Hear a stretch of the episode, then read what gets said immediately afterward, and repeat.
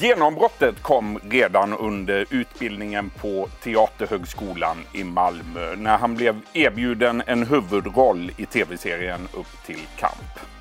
Fem år senare lärde vi känna honom som Paul i Jonas Gardells Torka aldrig tårar. Och vi har sett honom som Charles-Ingvar Jönsson i Jönssonligan. Nu gör han dundersuccé som finansmannen Adam i den norska dramaserien Exit som också visas på SVT Play. Varmt välkommen till den här intervjun Simon J Berger. Tack så mycket.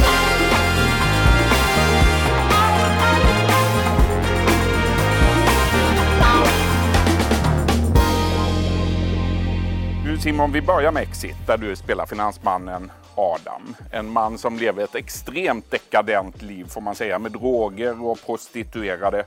Varje avsnitt har hittills strömmats runt en miljon gånger på NRK Play och är kanalens mest strömmade serie någonsin.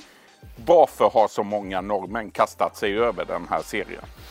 I Norge så verkar det ha blivit, jag uppfattar det liksom som ett eko av debatten där eftersom jag inte bor där. Men ehm, i Norge så har den slagit an flera strängar på en gång.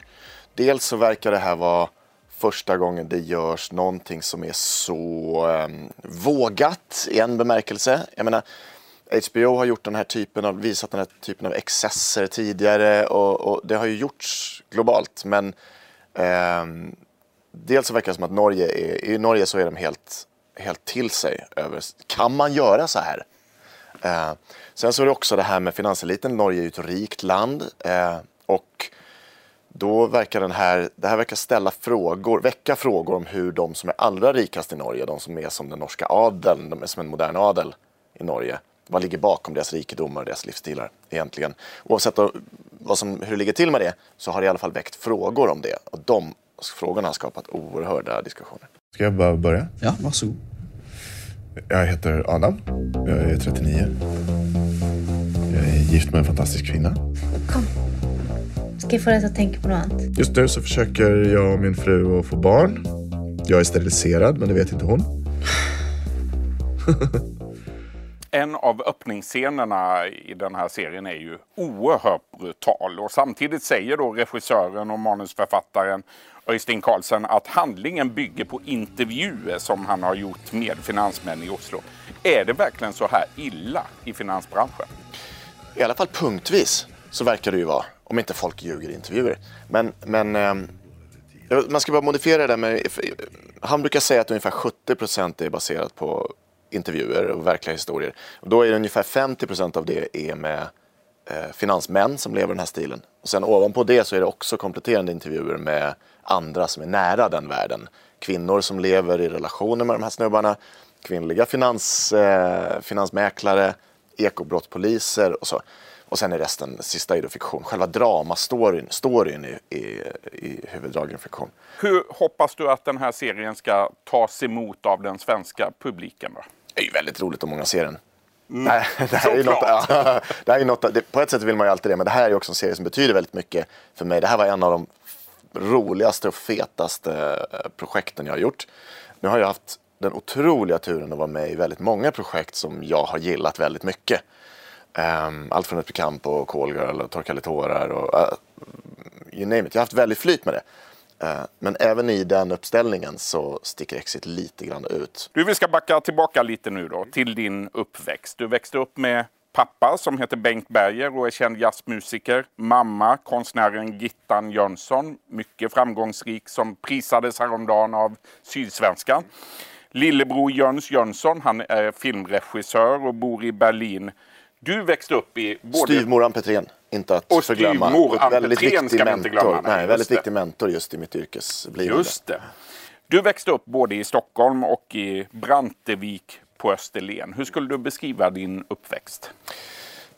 Uh, alltså det är svårt att sammanfatta eftersom jag inte har sett den utifrån. Uh, jag har ju bara en uppväxt och jämför, inget att jämföra med.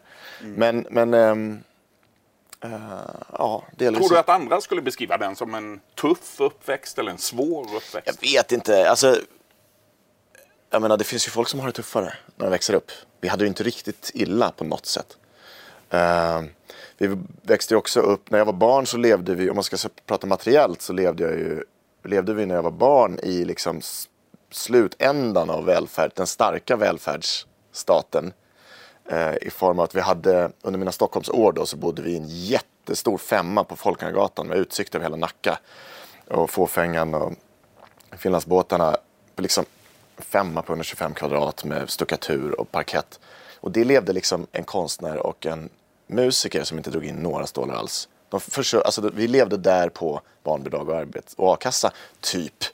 Eh, och det hade inte varit möjligt nu. Eh, så att vi hade liksom varken fett eller alldeles för knapert. Men sen så är det ju framför allt en uppväxt i väldigt, med väldigt stort, eh, en väldigt stor kulturell rikedom. Jag tror att mitt, det kulturella kapital jag har fått med mig är, är väldigt stort. Dina föräldrar de skilde sig när du var 13 år gammal och samtidigt var det en tuff tid för dig i högstadiet i Sofiaskolan i Stockholm. Mitt ufo-skap blev akut, har du sagt. Eh, och detta var också en av anledningarna till att ni flyttade till Skåne. Vad var det som hände där på Sofiaskolan? Eh, det större delen av högstadiet gick jag i, Brant, i Skåne sen. Det var precis, jag hann börja bara precis I sjuan? i sjuan där och sen så flyttade vi ner. Ehm, alltså det var väl ganska liksom, jag tror att det var ganska typiska mobbningsmekanismer. Det fanns ett antal eh, fanns ett antal jämnåriga som var liksom drivande i det eller som var, levde en sorts halvkriminell livsstil redan då. Eh, som jag i efterhand tror var ganska typexempel på barn från socialt utsatta miljöer. ehm, som påbörjar en sorts kriminell eller missbruksbana redan Varför då. gav de sig på dig? Ja, men jag stack ju liksom ut. Jag tror att jag var en lätt måltavla för att jag stack ut. Jag hade kon- lite konstiga kläder, jag hade konstigt hår. Ehm, var väl ambitiös i klassrummet kanske. Naivt ambitiös för att jag tyckte allt var intressant. Känner du idag att du har fått revansch på mobbarna? Alltså jag är ju inte en tävlingstyp. Så det, det, Du har aldrig Det ordet skulle jag inte använda. nej, nej, nej, jag tror inte jag vill anlägga det perspektivet riktigt. Idag är du pappa. Du fick en dotter för tre år sedan. Ehm, hur förändrades ditt liv när du blev pappa? väldigt mycket sådär eh, mellanintressanta delar av livet som var helt okej och som var kul. Liksom, har jag bara rensat bort för att det tar tid. Alltså jag går ju väldigt... Som vadå? Premiärfester. Jag går Röda väl... mattan, Med röda mattan. Alltså jag är väldigt sällan där. Det ska till rätt mycket för att jag ska välja att vara borta från henne en kväll. Om jag inte måste. Jag är borta när jag måste jobba. Jag är borta. Det finns en del sociala grejer som man inte vill eller kan säga nej till. Eh, alltså privata saker, relationer. Men, men annars så ska det till, jä- det ska till jävligt viktiga grejer för att jag ska välja att vara borta från henne en kväll. Hur är du som pappa? Får hon berätta när hon är 40 och går i terapi.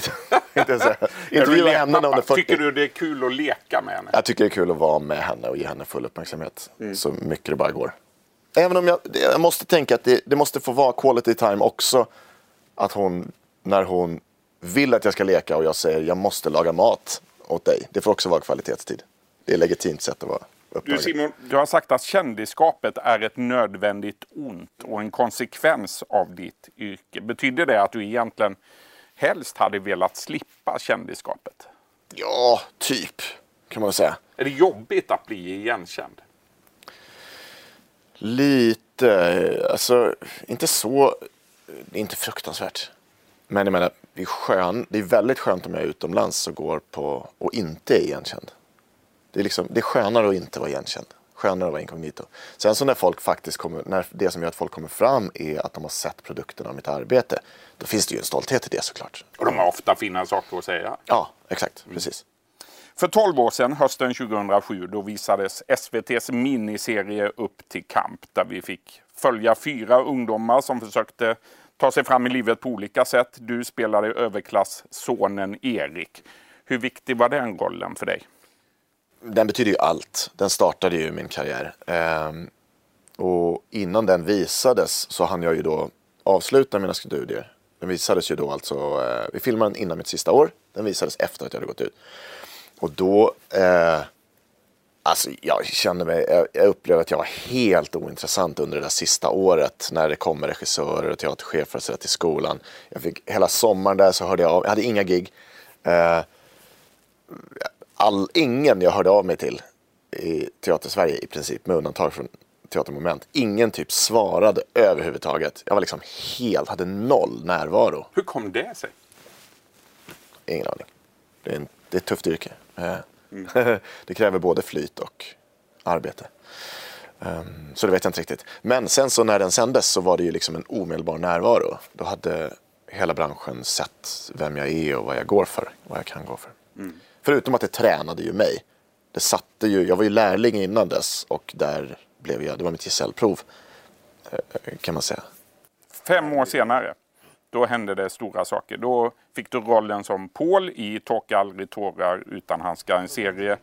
Och en man som gjorde oerhört stort intryck på tittarna.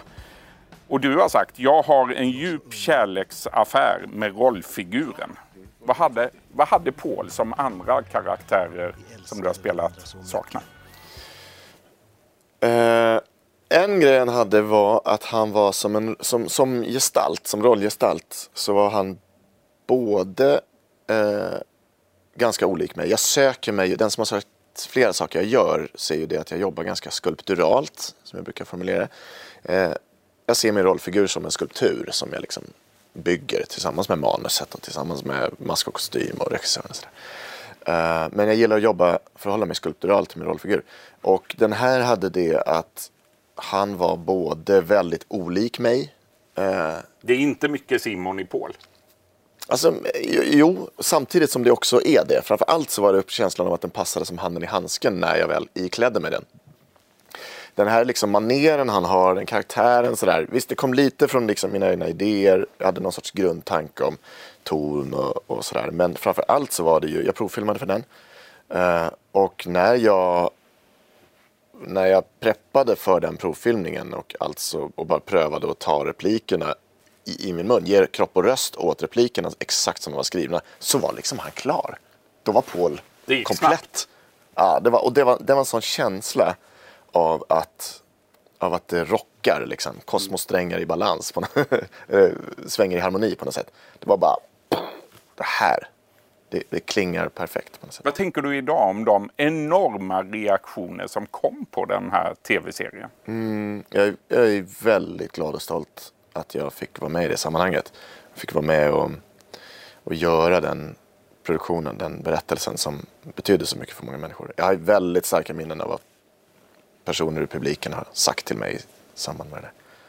2012 var detta, samma år som eh, Torka aldrig tårar utan handskar visades. Då kom också filmen Call Girl om eh, bordellhärvan på 70-talet. Du spelade polis i den filmen. Hur känner du idag inför det som skildras i den filmen? Eh, en enorm skandal med några av landets toppolitiker. Mm. Alltså, det är ju samma, samma övergrepp nu som det var då. man ska säga. Det, var ju, det var ju fruktansvärt, inte minst rättsövergreppen i form av när rättegångarna lades ner. Eh, först såklart hur de här unga människorna behandlades, vad de utsattes för. Och sen som sagt eh, rättsövergreppet när, det, när, när processerna lades ner så lättviktigt som det, som det gjordes. För att vara skådespelare har du genom åren varit ovanligt politisk, det får man säga. För några år sedan uttalade du ditt stöd för Feministiskt initiativ. Du kallade dig själv för rasande feminist och på Twitter har du debatterat alltifrån rutavdrag till vårdanställdas rätt att protestera mot Sverigedemokraterna. Vad säger du om det politiska klimatet i Sverige idag? Väldigt oroande. På vilket sätt?